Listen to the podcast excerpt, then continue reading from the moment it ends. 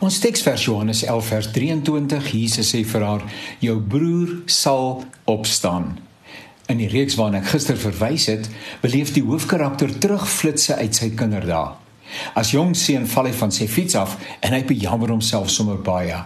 Sy wyse oupa stap hom tegemoet met die woorde: "Dis goed om te val, want dit leer jou om weer op te staan." Niemand hou van val nie. Niemand hou van slegte ervarings nie. Ons wil graag hê dat die lewe sonder probleme en uitdagings sal verloop, maar dit is nie realisties nie. In elke mens se lewe is daar tye van swaar kry en van uitdagings. Soms lyk dit asof jy nooit weer gaan opstaan nie.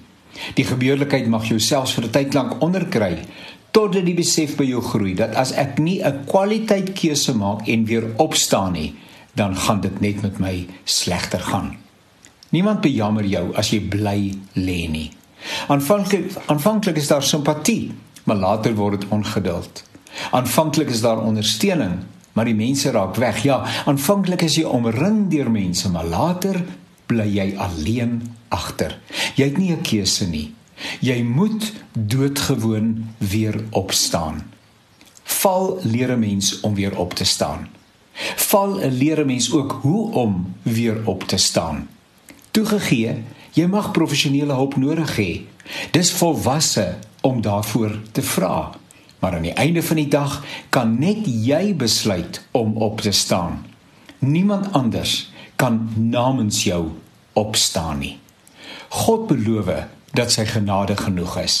Hy los ons nooit alleen nie. As jy na hom roep, is hy daar. Val is nie sleg nie. Dis net sleg as jy bly lê. Christene bly nie lê nie.